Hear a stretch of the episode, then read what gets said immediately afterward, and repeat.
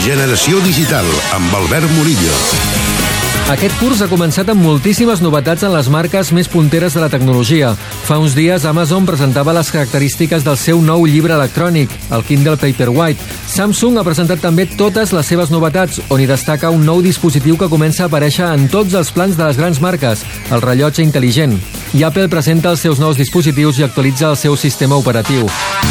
La problemàtica que gira al voltant dels residus que genera la tecnologia al primer món i sobretot els mòbils s'ha convertit en un dels enemics de l'ecologia més preocupants dels països desenvolupats.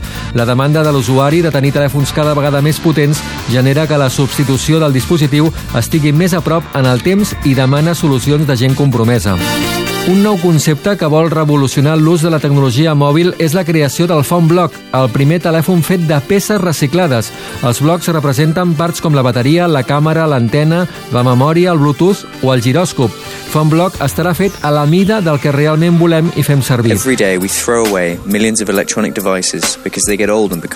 L'anunci s'ha fet a través de vídeo i de Thunderclap, una espècie de micromecenatge però sense diners pel mig. Només val el ressò i l'interès que pugui haver-hi a través dels usuaris i sobretot dels socis tecnològics que vulguin entrar-hi. Desgraciadament, la idea pot quedar en només això, una idea, però almenys ens hauria de fer pensar si volem pujar aquest tren que marxa a tanta velocitat.